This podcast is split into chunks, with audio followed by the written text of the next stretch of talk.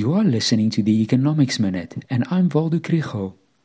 It's not easy to say how the economy is doing right now, but this week a few indicators were released that are beginning to show the impact of load shedding on the economy. This episode is supported by Economic Research Southern Africa and the NWU Business School. The one indicator is ABSA and the Bureau of Economic Research's Purchasing Managers Index for February.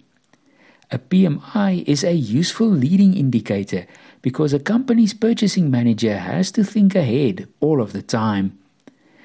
A figure above 50 indicates expansion and below 50 contraction. The index decreased from 53 points in January to 48.8 points in February. The sub indices that measure business activity and new sales orders also point to contraction. In addition, the sub-index that measures purchasing prices increased as a result of the exchange rate weakening to more than 18 rands per dollar.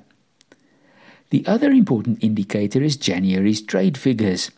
There was a sharp increase in the trade deficit because exports decreased by 14%.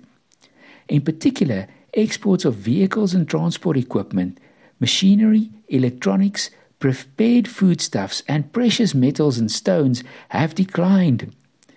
What the rest of the year holds will depend on a balance of factors. On the one hand, we have domestic electricity supply and transport problems, and on the other hand, stronger than expected international growth, especially in China, which will support exports. So, altogether, there's the possibility of international opportunities but tempered by domestic challenges.